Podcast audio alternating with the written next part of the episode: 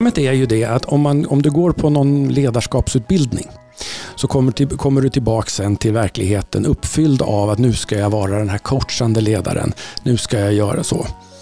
Eh, men sen så landar du i den, liksom den hårda verkligheten där, där dina medarbetare kommer och vill ha svar.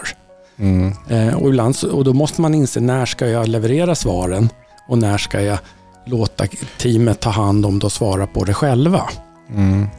Så det är en sån utmaning. Sen kommer du ju också landa i en, i en verklighet där din omgivning, din, din överordnade chef kanske inte har gått samma ledarutbildning. Eller de som bestämmer hur styrsystemet i din organisation ska se ut. Hur, hur verksamheten ska planeras och budgeteras. Eller för den delen följas upp. Mm. Då, då får du också liksom en liten wake-up call när, när du ska försöka få ihop de här två världarna.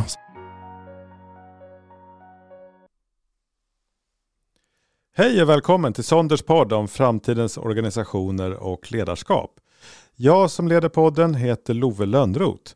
I den här podden tar vi upp frågor kring organisationsutveckling, verksamhetsutveckling och förändringsledning. Podden är ett av våra sätt att nå ut med våra insikter om hur företag och organisationer kan jobba med förnyelse och verksamhetsutveckling. I varje avsnitt försöker vi djupa i någon aspekt av organisationsutveckling och förstå vad det är som skapar framgång inom organisationer. Dagens podd handlar om teambaserade arbetssätt och särskilt om vår nya guide om hur man skapar en fungerande teamorganisation. Jonas Hallberg är en av författarna till guiden och han berättar om tänket bakom och vilka nya insikter som han har fått under arbetet med guiden. Jag vill passa på att tipsa också om att alla Sonders guider finns för gratis nedladdning på vår hemsida sonder.se under menyn inspiration. Och när du besöker hemsidan, titta även på våra aktuella webbinarier och seminarier. I februari har vi till exempel ett webbinarium om organisationer i ständig förändring som du inte vill missa. Här kommer podden med Jonas Hallberg om att skapa en teamorganisation. Mycket nöje! Ja, Jonas Hallberg, välkommen tillbaka till Sonderpodden. Tack ska du ha. Hörru, vi gjorde ju podd senast när du höll på och skulle skriva en guide om det här med team mm. och eh, att arbeta team och organisera team. Och nu är den guiden färdig. Ja, äntligen. Eh, det är ju så att ska man samtidigt vara konsult och praktisera de här sakerna så får man skriva på de luckor som blir mellan uppdrag. Och det har dröjt ett tag. Ja, men den som väntar på något gott heter det. Så du, det. du och eh, vår kollega Anna Dagnell Lidholm har ju kämpat med det här ganska länge. Mm. Hunnit ha haft lite webbinarier också och till och med ett seminarium om teamutveckling. Mm.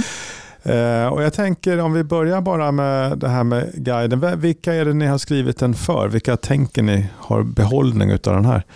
Ja, jag tänker till att börja med på någon som har Eh, egentligen börjat förstå eh, värdet av att jobba teambaserat. Någon som har kanske läst böcker om det hela, med Susan Whelan till exempel, är ju någon som många refererar till, eh, som gärna har kanske försökt i någon, i någon del av sin organisation, i den, i den, på den enhet eller den grupp man jobbar i, att utveckla de här. Att försöka gå från då det man pratar om att vara grupp till att bli ett team istället. Ehm, så att det är ju inte för den som undrar vad 17 är det där för någonting utan snarare man har prövat lite grann men känner att man både vill få, få idéer om hur man kan vidareutveckla och komma längre men sen också kanske förstå lite mer om de mekanismer som verkar. Det som gör att team är så intressant och ofta mycket roligare att arbeta i tillsammans med andra för att uppnå ett mål. Jag tror vi alla har varit med i sådana sammanhang där man har jobbat i ett välfungerande team och upplevt glädjen av eh, att liksom få den där styrkan tillsammans med andra istället för att försöka lösa någonting alldeles på sin egen hand efter bästa förmåga. Och nu har ju du och Anna varit ett litet team då i arbetet med den här guiden och även med webbinarierna. Är, är det något, någon ny insikt eller är det någonting som du tycker att du har fått förstärkt eller, liksom, eller där du har ändrat uppfattning under den här processen och ta fram den här guiden utifrån interaktionen både med Anna och med de som ni har lyssnat med eh, ja, det är ett antal nya pusselbitar som har ramlat på plats under tiden. Ehm, vi gjorde då som du sa ett seminarium tillsammans med andra som gav sina eh, erfarenheter så vi kunde så att säga lyssna på andras praktiska erfarenheter och tips också. Och det är klart man läser böcker, man läser artiklar och man låter sig inspireras. Och tillsammans så när vi tar de här olika pusselbitarna och fogar tillsammans så har liksom saker och ting ramlat på plats. I alla fall för mig och för Anna då när vi har pratat ihop oss om ja, men vad betyder det här då egentligen? Eh, hur påverkas motivation och sånt av hur man jobbar med att sätta mål och följa upp och sådana här saker? Hur skapar vi liksom rent praktiskt, hur gör vi för att få till det här med tillit och, och, och sådana saker inom eh, ett team? Sådana små liksom, praktiska saker har liksom blivit tydliga för oss. Är det någon liksom innehållsdel som har svält jämfört med när ni började arbetet eller när ni suttit och skrivit om och, och funderat? Är det någon del som liksom har stuckit ut att ja, men det här måste ta mycket mer plats än vad ni hade tänkt från början? Ja, bland annat det här med motivation har, har jag tyckt var väldigt intressant. Jag har inte den bakgrunden och så, men däremot så drog jag mig till minnes en, en internt eh, eh, kväll vi hade där du Love bland annat berättade om vad liksom forskningen sa om olika motivationsfaktorer och interna och externa och sådana där saker.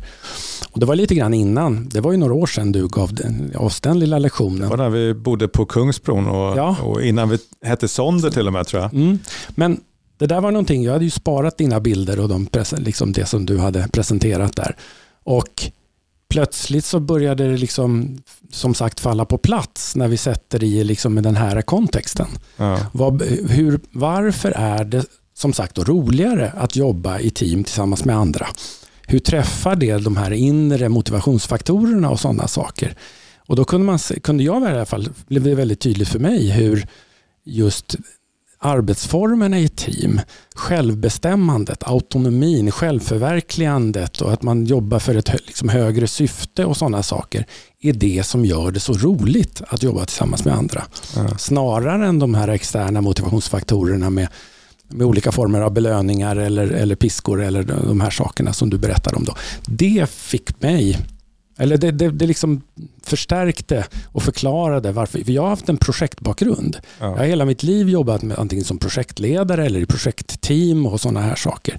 Och där när man får en sån väldigt tydligt uppdrag med dem och ska jobba tillsammans med och man inser att de här när vi är fyra, fem stycken, då är vi som bäst. Mm. Större eh, sådana projektgrupper än så blir inte riktigt lika bra. Men här fick jag då liksom förklaringen till varför det funkar så bra. Mm. Och varför man får den här arbetstillfredsställelsen och hur man tillsammans med andra får mycket bättre resultat och har förmågan att tillsammans lösa de komplexa problemen. Det därför liksom har på något sätt ramlat på plats och därför så vill vi, blev det också, om vi kopplar tillbaka till guiden, ett kanske lite för långt avsnitt. Kanske, det får väl läsarna avgöra. Men, men för mig så tyckte jag att det var en väldigt viktig del i att förstå de mekanismer som, som, som gör team bra. Ja. Och, om jag nu får haka på, vad som kan störa det där. Hur, om det, vi brukar prata om det omgivande systemet och vi ska väl komma dit så småningom. Hur det omgivande systemet kan sätta hinder i vägen för att uppnå den där teamkänslan, samarbetsförmågan och så vidare som gör saker så bra. Jag fick just en skön känsla, eller tillbakablick på när jag satt på tåget från Åre faktiskt, när jag började skriva på den lilla internutbildningen vi körde Jaha. där om, om just motivation och, och psykologi. För mm. det var ju då i den här vevan när åtminstone jag började fatta eller intresserar mig mer för psykologiska faktorer, eh, mer än klassiska organisatoriska och sånt. Ja, du var några år före mig där uppenbarligen. Ja, jo, men den polletten hade börjat trilla ner. Framförallt tyckte det var spännande, det här med mm. Eh, self-determination theory och ja, motivationsforskning och sånt. Eh, ja, men det, det, är spännande. Är det någonting, om du tittar på guiden, det färdiga resultatet, är det någon, någon del som har tagit mycket mindre plats eller som ni har tagit bort helt och hållet som ni hade tänkt ha med eh, från början? Jag nämnde ju Susan William från början och det är klart att det är ett väldigt bra fundament med att förstå hur, hur ett team utvecklas i de här olika stegen som, som hon presenterar i, i den modellen. men vi vill ju liksom inte upprepa det en gång till. Utan mm. där, där är det snarare så att där kortade vi ner till ett minimum och säger liksom, vill man veta mer om det, ja men då föreslår jag att man läser hennes bok eller, eller tar del av det på andra sätt. Så att vi försökte på det sättet banta det hela lite grann.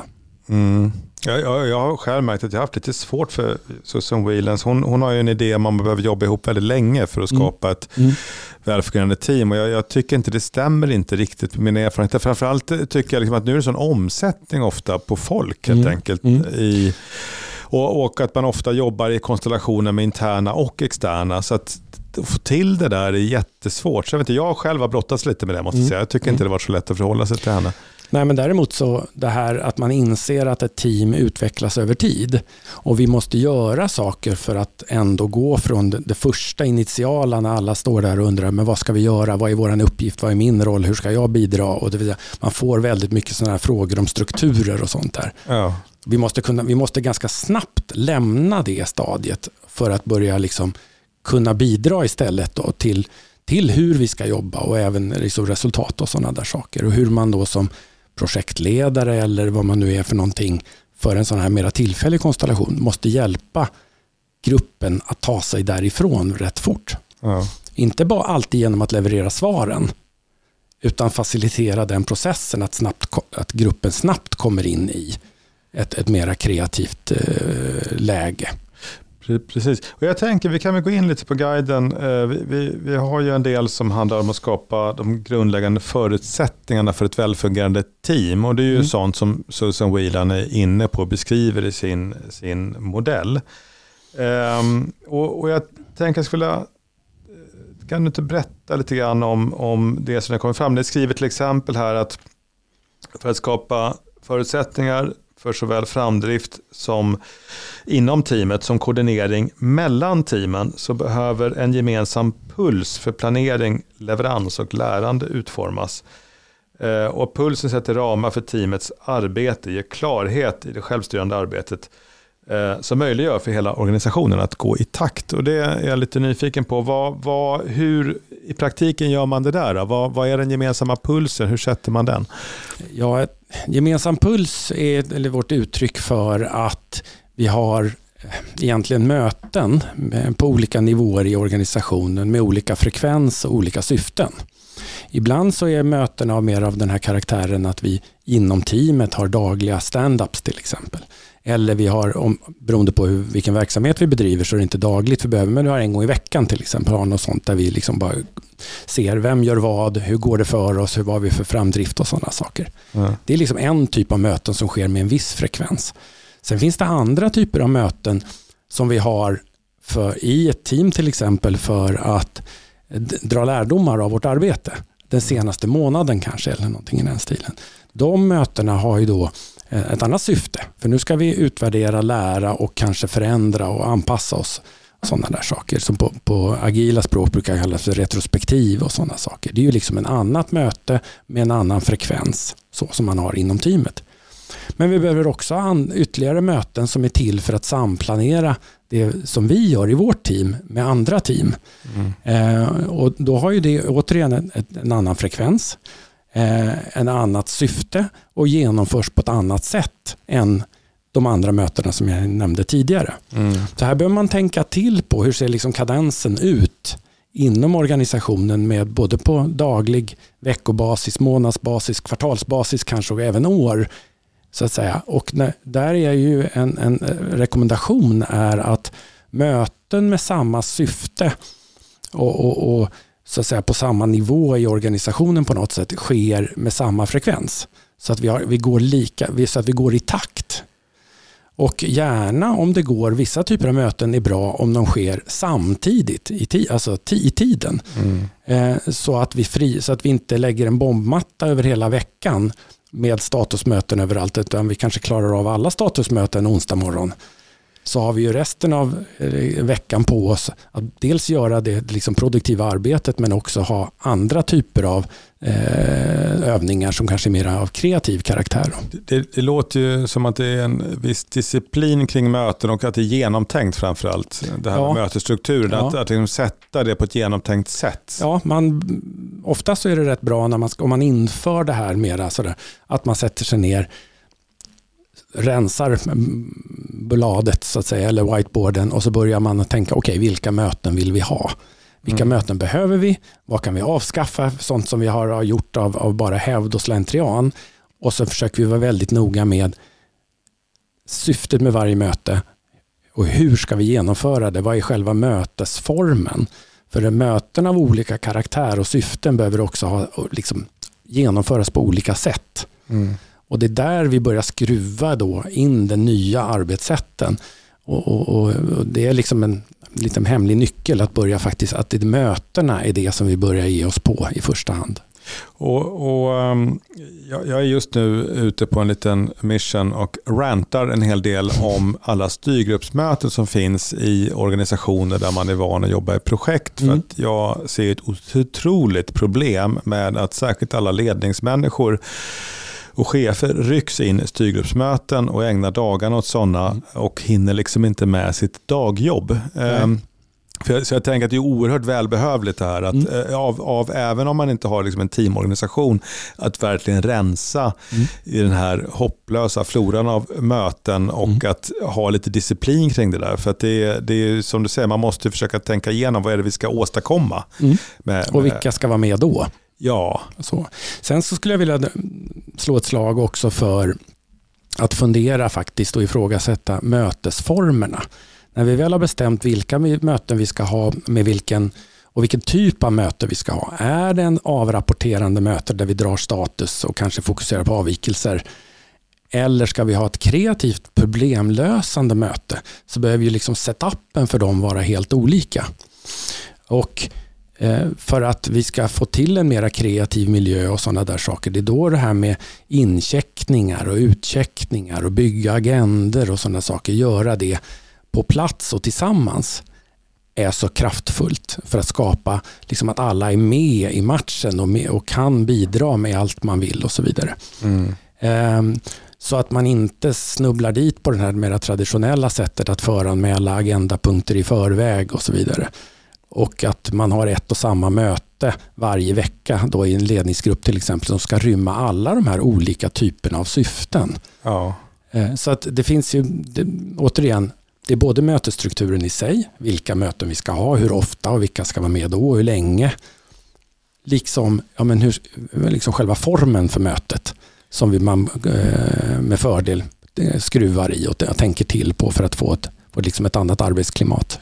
Just det, det känns som att i guiden här finns det en hel del tips kring det. Mm. olika mm. Eh, inslag i möten, att, att till exempel också göra incheckningar, att, ja. att liksom, eh, som, som ett inslag eller olika typer av sådana verktyg man kan använda. Så att säga. Ja, bara en sån enkel sak som att man kan turas om att leda mötet. Att det inte är en och samma. Det är inte chefens möte i första hand utan det är teamets möte. Mm. Och då, då kan vi ju faktiskt ta på oss att leda mötet och låta det gå runt i, i gruppen. Det bygger ju en, liksom en förståelse för att använda mötestiden på ett bra sätt, apropå sätta agendan och ordningen på saker och ting. Och man, det, det, det landar i någon sorts kollektiv ans, kollektivt ansvarstagande för mötets genomförande så att man går i mål med det som mötet är tänkt för på den tid man har. Så ja. det är bara också sådana väldigt liksom, grundläggande, väldigt enkla saker som man kan ta till. Och jag har märkt också att det kan vara, för vissa typer av möten kan vara ganska bra att ha en fast agenda, att det är samma punkter varje gång i, i när det är en typ av just vissa typer, ja, vissa typer av möten är det bättre att köra på det, bara pang, pang, pang, så ja. vet vi. Och andra typer av möten är sådana som du säger kreativa, man kanske bygger ja. agenda tillsammans, mm. liksom, mm. öppet så. Eh, men det är ju en sak med, med mötena. Du nämnde lite grann det där med ledarskapet också. Jag tänker mm. ibland, nu ofta coacher inne av olika slag eh, som ju också hör lite till en teamorganisation. Mm. Va, hur, hur, viktigt är det att ha liksom en coach eller någon sån här teamledare och sådär? Hur, hur um, kan man klara sig utan det eller ska man ha det? Eh, ja, det, det, finns väl inget absolut svar på den frågan. Eh, det, det, som är viktigt i, när man försöker etablera teambaserade arbetssätt och sådana saker, det är ju att ledarskapet. Men ledarskapet måste ju också anpassas till var teamet är i sin utveckling. Eh, när jag nämnde det här i början när man sätts samman som nya och man frågar efter vägledning och vad, roller och sådana saker. Då, då får man som ledare eh, ta lite mera plats och, och försöka hjälpa gruppen att hitta de här sakerna och ge de här svaren på uppdraget. Vad är det vi ska göra för någonting och förutsättningar för arbetet och sådana saker. Eh, men så fort som det är möjligt så behöver man sen sluta leverera svaren. Mm. Eftersom vi vill att vi ska jobba med autonomin och, och liksom allas bidrag i arbetet så blir man snarare rollen av att facilitera diskussionen där teamet själva kommer fram till arbetsformerna. Mm. Vilka möten vi ska ha och, och, och alla sådana här saker. Så att det, väldigt snabbt så går man från att vara den som levererar svaren till den som faciliterar och hjälper teamet framåt istället. Det låter ju ganska svårt om, alltså, ja, lite beroende på vad jag är för typ tänker jag. Men ja, alltså liksom... Problemet är ju det att om, man, om du går på någon ledarskapsutbildning så kommer, till, kommer du tillbaka sen till verkligheten uppfylld av att nu ska jag vara den här coachande ledaren. Nu ska jag göra så. Eh, men sen så landar du i den, liksom den hårda verkligheten där, där dina medarbetare kommer och vill ha svar. Mm. Eh, och, ibland, och då måste man inse när ska jag leverera svaren och när ska jag låta teamet ta hand om det och svara på det själva. Mm. Så det är en sån utmaning. Sen kommer du ju också landa i en, i en verklighet där din omgivning, din, din överordnade chef kanske inte har gått samma ledarutbildning eller de som bestämmer hur styrsystemet i din organisation ska se ut. Hur, hur verksamheten ska planeras och budgeteras. Eller för den delen följas upp. Mm. Då, då får du också liksom en liten wake-up call när, när du ska försöka få ihop de här två världarna. Jag, jag tänker också ett problem som jag har blivit varse rätt mycket tycker jag, det är alltså att du får ju ofta uppskattning som ledare för att du griper in, för att du är hjälten som står där och fångar bollen och mm. liksom tar initiativet och drar igång grejer och så vidare. Och min spaning är att det kan ofta motverka att folk blir självständiga eller att ja. ett team blir självständigt för att liksom det kommer in någon hela tiden och curlar. Ja, Som förälder så känner man lite igen det också. Och där tror jag att det finns ett reellt problem faktiskt. För att, att vara den här coachande som också har eh, eh, så att säga insikten att kliva tillbaka och ge utrymme i syfte att folk ska växa. Det kan ju lätt misstolkas som att det här är en väldigt passiv person som inte bidrar. För jag har sett det där mm. ett antal gånger, liksom, att det kan vara ganska otacksamt eh, mm. faktiskt. Ja, men det är, det, är en väldigt, det är en avvägning som man måste liksom vara väldigt noga med hela tiden. För att eh, återigen, tidigt i en teams utvecklingskurva så behöver man få svaren lite mer. Mm. Så att i det läget så är det inte fel att, att försöka beskriva, så här har jag uppfattat vårt uppdrag. Det är den här tiden vi har på oss, det är det här vi ska, eh, resultatet vi ska nå. Eh, och sen behöver man liksom, utifrån de förutsättningarna börja bygga teamets egen liksom ägandeskap mm. av, utmaningen. så att säga. Jag tänker ledarskapet är viktigt också, chefens chef om man säger så, mm. eller coachens coach. Att, mm. att man har ändå den, det samtalet och mm. den, alltså kring hur funkar ett coachande ledarskap? Vilket ledarskap främjar teamförmågan? Så att, för att, som sagt, att, så att man inte faller in i de här gamla mönstren att chefen ska kliva in och, och ta tag i allt och liksom styra upp. Det finns ju, om man är i, i vissa agila skolor säger ju att det ska inte behövas någon teamledare alls. Nej. Så. Samtidigt som man i de här agila sammanhangen man, har man roller som är väldigt så här, product owner eller scrum master och sådana här saker som är väldigt tydliga ledarfigurer med vissa roll, liksom ansvarsområden mm. relativt teamet. Mm. Så att jag, jag tycker att även där finns det liksom lite grann ett, ett filosofiskt här, utmaning mm. i det. Eh, så att jag tror inte man ska vara rädd för att det är roller som har, en led, liksom har ett ledarskap i sig. Nej.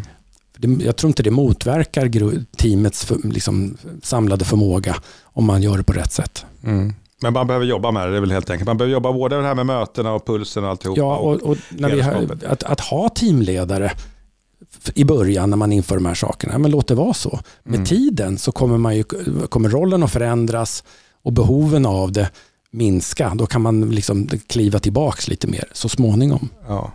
Du, det finns eh, ytterligare lite struktur och kultur skriver ja. ni om och, och, vikten av att, att ha, förstå både strukturen och kulturen. Um, var, var, varför är det viktigt att man liksom fattar både struktur och kultur? Ja, för att de är, påverkar varandra i så hög grad. Alltså de strukturer vi har, som till exempel möten och mötesformer eller roller och arbetsfördelning som vi har pratat om och så vidare.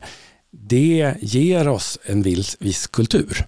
Mm. Eh, har vi det väldigt tydligt och uppdelat och sådana saker och vi, vi har så säga, strukturer i form av så individuella incitamentmodeller och så vidare, då får vi inte riktigt den där kulturen av samarbete och vi jobbar tillsammans mot det gemensamma målet och så vidare. Samtidigt så i en kultur av individuella hjältar och att det är det vi firar och sådana saker och vi pratar om det, då främjar ju inte det arbetsformer där, vi, där man liksom tar hjälp av varandra och sitter ner och löser problem tillsammans och sådana där saker. Så att kultur, kulturen ger förutsättningar för vår samarbetsförmåga samtidigt som de strukturer vi har för att arbeta på olika sätt med möten och processer och vad det nu är för någonting driver kulturen åt det håll, som, mm. åt, åt ett visst håll. Så det där kan man ju då, dels kan man konstatera det och jag tycker inte man ska konstatera kultur, ja det är det där som sitter i väggarna, det kan man inte förändra. För det kan man visst. Och våran, eh, vårat sätt att göra det är ju då via strukturerna. Mm. Alltså vi jobbar inte med kulturförändrande särskilda insatser som bara har liksom kultur och nu ska vi sitta ner tillsammans och prata om det. Eh, sådär. För det, den typen av effekter är väldigt kortsiktiga eller har väldigt låg verknadsgrad som någon sa. Mm. Utan det är på sättet vi jobbar med att utveckla våra arbetssätt, våra strukturer. Mm. Om vi gör det inkluderande, medskapande med stor liksom, delaktighet från alla som berörs, då kommer vi också utveckla kulturer som bygger på medskapande, ansvarstagande, vi träffar de här motivationsfaktorerna som vi pratade om förut och sådana saker. Så strukturen kommer på sätt och vis först. Man brukar ju prata om det här eh, som, som man påstår att Peter Drucker skulle ha sagt att kulturen äter strategin till frukost. ja, eh, men egentligen så är budskapet här lite tvärtom, att det är strukturen som så att säga käkar kulturen. Att, eh, Eller vi, vi behöver inte kulturen. käka den, vi kan forma den, vi kan påverka den, vi kan utveckla en, en kultur av samarbete, medskapande och så vidare. Om vi, om vi så att säga, är medvetna om de strukturer och arbetssätt vi har. Precis, och jag, och jag, tänker med strukturer, i guiden så skriver ni här till exempel, som exempel på struktur, då, mm. roller och arbetsfördelning mm. är en sån. Mötesschema, det var vi inne på nyss där, vilka mm. möten ska vi ha och vilken typ av möten. Mötesformer, ritualer och verktyg, till exempel agila tavlor, former mm. för lärande. Mm. Och sen beslutsfattande, där man drar nytta av den kunskap och erfarenhet som finns i teamet. Kan du ge lite exempel konkret på vad är det för typ av, av eh, saker man gör annorlunda då i, i, i detta? Ja, jag vill bara pusha för en, en, en, eh, ett särskilt sorts möte som, som vi har funnit vara väldigt eh, användbart. Det är om du har teamet, som vi har etablerat det och vi börjar jobba och så har vi pratat om de här statusmötena och sen så pratade vi om att vi också har retron där vi, där vi tillsammans utvärderar hur har det gått för oss senaste månaden eller något sånt här. Vad har vi lärt oss? Vad ska vi göra annorlunda och så vidare. Det syftar ju till att då successivt skruva i arbetssätten i strukturerna. Mm. Vid sidan om det så har vi också med framgång infört det vi kallar för reflektionsmöten. Det vill säga vi avsätter en timme kanske då att prata om de så att säga, mjuka faktorerna. Hur mår vi? Hur gör vi varandra bra? Vi delar med oss av, hur vi, vad vi känner och sådana saker. Eh, och på, på ett mer mänskligt plan än att prata just om bara processer och arbetssteg och, och sådana saker. Mm. Eh, den typen av att avsätta tid regelbundet, för det här ska man också göra regelbundet, för att just dela med sig av sitt hela jag är väldigt användbart och framgångsrikt när det gäller att börja utveckla relationsdjupet inom ett team. Och Det finns ju de som menar på eh, att just relationsdjup och psykologisk trygghet är en absolut avgörande faktor för ett välfungerande team och få till samarbetsförmåga och sådana där saker. Eh, så det här, det här är ett sätt att rent praktiskt bygga det och lära känna varandra lite djupare än vad som blir om man bara sysslar med de här strukturella frågorna. Just det, och det är viktigt också att man tar den tiden. För jag antar att ja. en del kan tycka att ja, men herregud, vi kan inte hålla på och ägna massa tid åt det där. Å andra sidan, och då måste jag säga det, under, eh, vi hade uppdrag under pandemin med organisationer och myndigheter som jobbade stenhårt med att, hitta, att lösa sitt uppdrag under pandemin för att eh, vi, vi ska ta oss igenom det. Då. Och de hade ju så otroligt mycket att göra. Men där var det ännu mer användbart och nyttigt att avsätta den där timmen för reflektionsmöten. Mm. Därför att det var liksom den säkerhetsventil som fick dem att orka ta sig igenom de här svåra eh, perioderna av väldigt mycket arbete med mycket ansvar och, och, och oklarheter som man skulle ta sig igenom. Precis, jag, och jag tänker det styrks också. Jag lyssnade häromdagen bara på en podd med någon av de här amerikanska militärerna som nu har blivit managementkonsulter istället och undervisar andra hur man ska jobba. Och Det som han tryckte på den här killen var framför allt eh, vikten av reflekterande möten och inte bara mm. att man hade det utan hur man gjorde det. För han menade att det, det här med debriefing och grejer de jobbar med i det militära är av en helt annan nivå mm. än vad man överhuvudtaget är van vid inom det civila. Och han lite fnös åt hur slarviga eh, privata företag är när det kommer till det här. För att han menar att det här är riktigt genomtänkt praktik som mm. högpresterande team och sådana som just, han har ju, den här killen har varit i Afghanistan och sådär. Att, eh, den, den nivån var superviktig. Jag tror att det var precis samma skäl där med relationsdjup och psykologisk trygghet. Mm. Att mm. Det var så avgörande. Så, att, eh, det, det, så att jag skulle vilja hävda ju, ju mer stressfullt, ju mindre tid man tycker att man har, för att känna efter, desto viktigare är att man avsätter den tiden för att också kunna ge stöd till varandra i teamet och fungera bättre tillsammans. Mm. Eh, och där, vi pratar om relationsdjup och tillit och sådana här saker. Hur, hur viktigt är det då med sån struktur som det här med roller och arbetsfördelning? För jag tänker att det finns ju eh, de som säger att man måste ha väldigt tydliga roller och stor klarhet i uppgiften och sen så finns det de som säger tvärtom. Ja, men det kan man liksom lösa tillsammans i teamet. Vad, vad, vad anser du är så att säga, tillvägagångssättet eller vad, vad är det jag, bästa? Jag tror att det avgörs lite grann om karaktären på det uppdrag som teamet har. Är det relativt väldefinierat vad man ska göra? Att det finns färdiga formler för vilka roller som behövs i teamet för att genomföra en sån här uppgift. Mm. Då är det ju en väldig styrka. Det vill säga vi vet vad vi ska göra. Vi vet vart vi ska. Det finns en best practice mm. över det. Då kan man då är det väldigt enkelt att säga att vi ska ha en sån, en sån, en sån, en sån och vi kan bemanna med de kompetenser som motsvarar de rollerna och så kan vi väldigt snabbt bara kliva in och ta de rollerna. Finns det exempel där på, på vilken typ av team det är? Då? Ja, eh, vi kan prata om, ja, som jag föreställer mig, nu är inte jag någon specialist på det, men operationsteam i en sjuksal till exempel. Där, där, där föreställer jag mig i alla fall utifrån de tv-serier man har sett att det är ganska tydliga roller i, i operationssalen, vem ja. som gör vad. Eller om vi tar eh, besättningen på ett, på ett flygplan till exempel. Det, det är väldigt tydligt vad, vad kaptenen eller styrman gör respektive vad liksom, kabinpersonalen ska göra i olika situationer. Och så det har de tränat på i olika sammanhang. Så de vet väldigt väl, även om de, det, är nya personer som är med just på den här flygningen. Ja. Så när var och en kliver in i sina roller så är det väl definierat, man har tränat på det, man vet vad man ska göra. Då fungerar det bra. Mm. Om det däremot är så att det som vi ska göra är oklart, vi vet inte. Vi, vi, har insett att vi behöver ett antal olika kompetenser från olika delar av organisationen. Vi har ett mer tvärorganisatoriskt eller tvärdisciplinärt team mm. som ställs inför det här okända, komplexa. Då tror jag då behöver man nog inte ha sådär fasta roller. Det är till och med så att de fasta rollerna kan vara ett hinder. För då har jag svårt att kliva utanför den rollen och, och liksom bara hugga in eller bidra med min, min, mitt, min snilleblixt när jag får den. Om det handlar om att lösa då, att vara innovativ i nya situationer och sådana där saker. Mm. Då är vi mera beroende av var och ens erfarenheter, kompetens och, och samarbetsförmåga. Och den bygger vi ju då via via mera de här mjuka faktorerna som vi pratade om. Om, om relationsdjup och tillit och våga eh, bidra med, med, med, sina idéer och sin erfarenhet.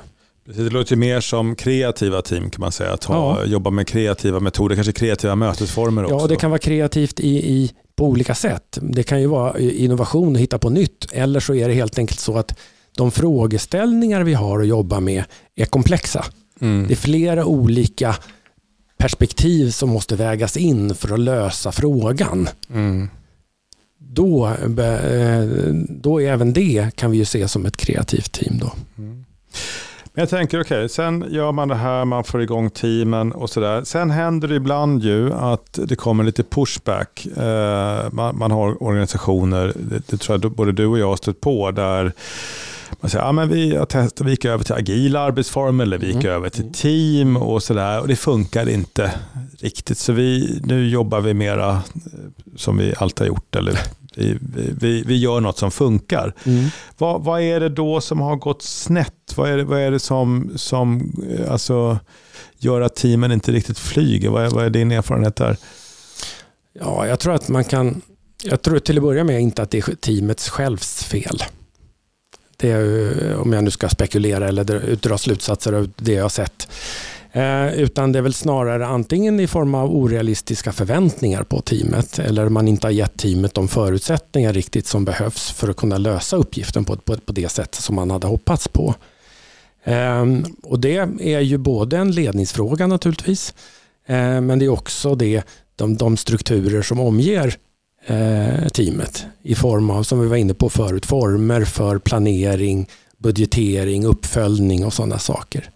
Och vi ska väl komma ihåg att även om vi när man pratar om teambaserade arbetssätt och teambaserade organisationer och sånt där och kanske ser en nätverksorganisationen bestående av ett antal olika team som bara interagerar lite skönt med varandra och så vidare.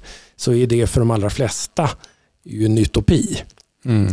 Utan det är ju så att, att det är så att man, får, man jobbar med, och det är ju det som vi har gjort, det är ju att införa de här teambaserade arbetssätten självstyrandet så att säga, inom ramen för en mer hierarkisk linjeorganisation. Mm. Man är liksom, det är på den operativa nivån i första hand och lite uppåt så småningom vartefter som man etablerar de här teamen och de teambaserade arbetssätten.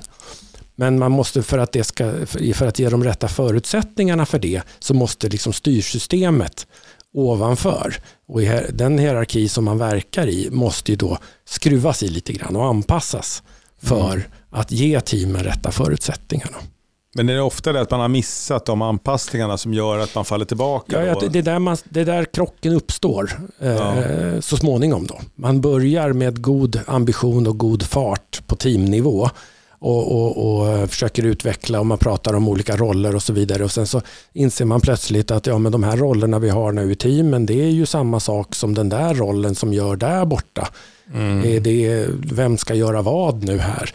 Mm. Eh, och sådana saker. Så att man kommer till, så småningom, efter ett litet tag, till ett antal sådana liksom värmeutvecklingar mot det omgivande systemet. Mm. Och Det kan vara både i i vertikal och, horisontell led. Finns det några vanliga sådana krockar som uppstår som, som eh, du kan ge exempel på? Eh, mellan att man har lyckats få ihop team och att man har då det här omgivande systemet som är så att säga en, en mer hierarkisk linjeorganisation.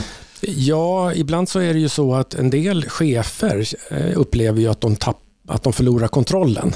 Alltså de har, man, man, enligt linjehierarkin så har man ett ansvar för en viss verksamhet. Mm. Men nu när vi ska vara mera självbestämmande och sådär så tror man att ja, men nu kommer jag ju förlora min, min kontroll över det här. Och, och liksom, vad kommer jag att följas upp på när teamen ska ta egna beslut som inte jag får lägga mig i? Då, och sådana där saker. Mm. Eh, och Det är väl ganska rimligt att man har en sån upplevelse eftersom det man är van vid och har tränat under många år och så vidare är att man, att man är, har den där kontrollen hela tiden. Vi menar ju på att man egentligen inte förlorar den egentligen kontrollen eftersom vi samtidigt när vi inför det här och att teamen ska vara mera självbestämmande i hur de planerar och fördelar arbetet inom teamet så är vi, vill vi skapa transparens. Vi måste vara jätteöppna med vad teamen då faktiskt åtar sig för en viss period och hur det går med det och, hur, och, resultaten av det. Och det är någonting, Den transparensen gäller ju, är viktig både för att andra team ska kunna göra sina saker och vi ska liksom kunna jobba tillsammans och öppet och liksom nå resultat. Så det är inte bara varje team för sig utan teamen tillsammans mm. som når det. Men det är också en möjlighet för, för de som då är chefer och, och som säga, jobbar på en, på en annan nivå att hela tiden ha koll på vad som händer. Mm. Det är ingenting som blir, liksom, ett team får inte bli en svart låda där saker och ting försvinner och man förstår inte varför de gör på det sättet. Utan öppenheten och transparensen gäller även gentemot chefsleden. Så att möjligheten att ta del av vad som händer hela tiden och vilka resultat man får och vilka prioriteringar man gör på teamnivå finns ju där. Mm. Det är den ena delen. Den andra delen är att för att teamen ska kunna fungera väl och nå bra resultat så är man beroende av ledningen som uttrycker en så eh, styrning. Mm. Alltså inriktningen, vad vi ska uppnå, de prioriteringar vi har för vad som är viktigast nu och så vidare den är oerhört viktig för att teamen ska fungera väl. Mm. Du kommer, går du runt, om det där inte finns kom, och du går runt och pratar med teamen så kommer de att säga nej vi vet inte vad ledningen vill. Vi försöker lösa vår uppgift men det, det finns ingen som har sagt om vi ska göra och gå åt vänster eller höger. Så att den uppgiften är fortfarande oerhört central för en ledning i en organisation. Även om att bestämma vad var och en ska göra på teamnivå har vi lagt så att säga, ute hos teamen själva. Just det, men det måste finnas övergripande uppgifter eller mål Abs som, som man går mot som, som är tydliga. Så att... Ja, och de målen och hur, det, hur teamen svarar upp mot dem för att realisera de målen som vi har. Det är också en väldigt viktig process för att se till att vi återigen i det här med att gå i takt mm. och går åt samma håll.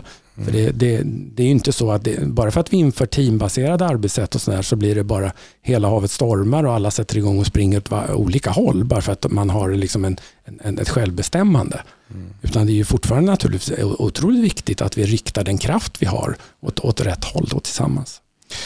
Jag tänker det börjar bli dags att runda av och mm. Eh, man kan ju läsa eh, det som du har sagt i, i guiden som går att ladda ner gratis från mm.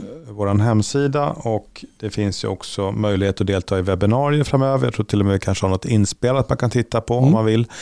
Eh, men jag tänker innan jag rundar av bara, vad, vad ska man anlita oss för då? Ehm, Liksom vad, vad, har man för nytta av att ta in en, en konsult och hjälpa till med det här med teamorganisation? Vad skulle du säga är det viktigaste som, som du har bidragit med?